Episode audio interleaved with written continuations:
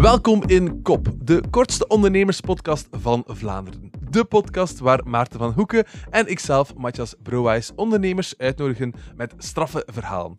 En vandaag de gast Charlotte de Kok. Charlotte is de vrouw achter het populaire biermerk Kerel. Ze blies in 2017 samen met haar broer de dorpsbrouwerij Verbeek Bak de Kok in Tielrode nieuw leven in.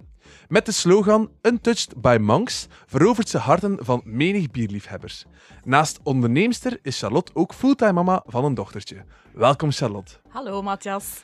Charlotte, de bedoeling van deze podcast is dat we een heel straf verhaal gaan horen. En uh, ik ben er ongetwijfeld van overtuigd dat je heel wat straffe verhalen hebt. Uh, maar ik wil er eentje horen. Dus uh, ik zou zeggen, ga je gang.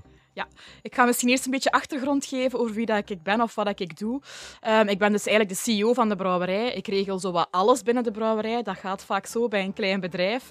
Uh, we zijn met zes werknemers. Um, en een van mijn uh, belangrijkste taken is eigenlijk verkopen. Want ja, wat is er belangrijker bij een product uh, dan verkoop?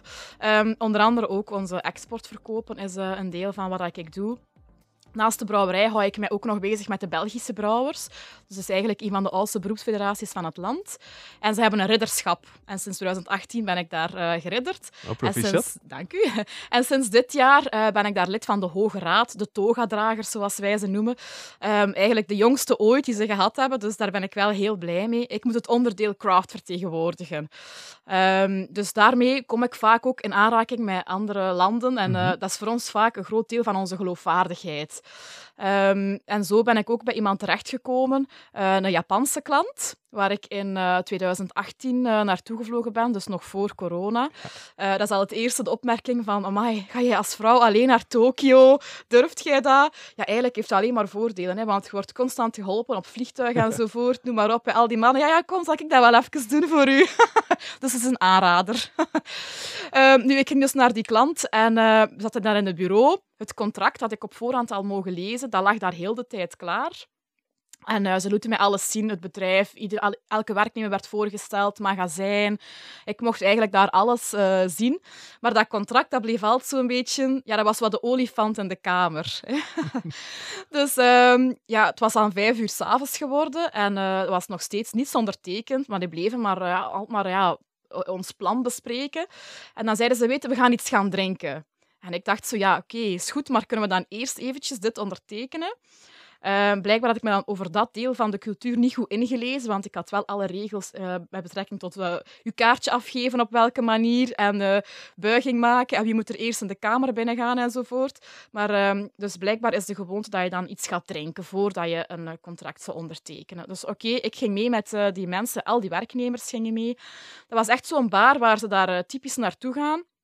En dat is eigenlijk met een, een toog waar je langs twee kanten uh, kunt zitten. Uh, dus wel heel grappig, want alle werknemers waren ook mee. En niemand gaat naar huis voordat de baas naar huis gaat. Dus ja. Um, en dat was drinken, biertjes met daartussen uh, van allerhande shotjes. En dat werd echt om de paar minuten was er iemand, ja, tijd voor een shotje. En iedereen, heel de tafel, moest telkens meedoen. Totdat er al een paar begonnen afzwakken en uh, half lagen te slapen op die bar. Dus dat was wel grappig. Um, tot ik zelf ook wel voelde van, nu ga ik ook bijna op de bar slapen. zei ik van, oké, okay, goed. Um, ik ga met de barman afspreken dat hij mij water moet geven als het shotjes tijd is. dus die mannen waren sterk onder de indruk van, amai, uh, die kan echt goed drinken. um, wat dat misschien soms wel zo is. Maar uh, op die moment was dat even wel te veel. Dus ik kreeg constant water in de plek van uh, de shotjes. En uh, totdat ook de baas eigenlijk onder tafel lag, zeg maar, dan uh, was het tijd voor te vertrekken. En dan mocht iedereen doorgaan. Ik naar het hotel. Uh, ze hebben me daar wel afgezet. Dus dat is wel nog oké. Okay, ja. um, ik moest geen metro niet meer nemen s'nachts. en dan de volgende ochtend werd ik wakker tegen een uur of zeven, half acht, stonden die dus aan mijn deur te kloppen met het ondertekende contract. Oef, oef. Dus het is effectief ondertekend. het is gelukt. En, en, en, doe je nu nog altijd business met, met hen? Ja, ja, ja zo, zo is dat wel. Eens dat je dan daar een partij hebt, dan is dat wel de bedoeling dat je daar blijft. Je hebt ook maar één importeur. Je hebt sommige landen waar dat je per regio ene kunt hebben, maar in Japan is dat niet zo. Daar is één voor heel het land. Ja, dus daar blijf je dan trouw aan. En natuurlijk, we hebben dan ook een band gecreëerd. Dus dat is wel allee, op zich wel geen slechte manier, hè, hoe dat we dat gedaan hebben daar. Die, ehm, ja, die willen ook niemand anders van de brouwerij zien of spreken. Dat is altijd ja, Charlotte, want hè, dat is degene met wie dat we die band gecreëerd hebben. Hè. Voilà. Dus eh, ik wil graag nog eens teruggaan. Super. Een fantastisch verhaal en dan denk ik een heel mooie samenwerking. Dankjewel Charlotte voor, eh, Graag voor gedaan, dit verhaal. Dank je voor de uitnodiging. Wat ons betreft, bedankt om te luisteren. En volgende week maandag zijn we er opnieuw voor een nieuwe aflevering van de kortste ondernemerspodcast in Vlaanderen.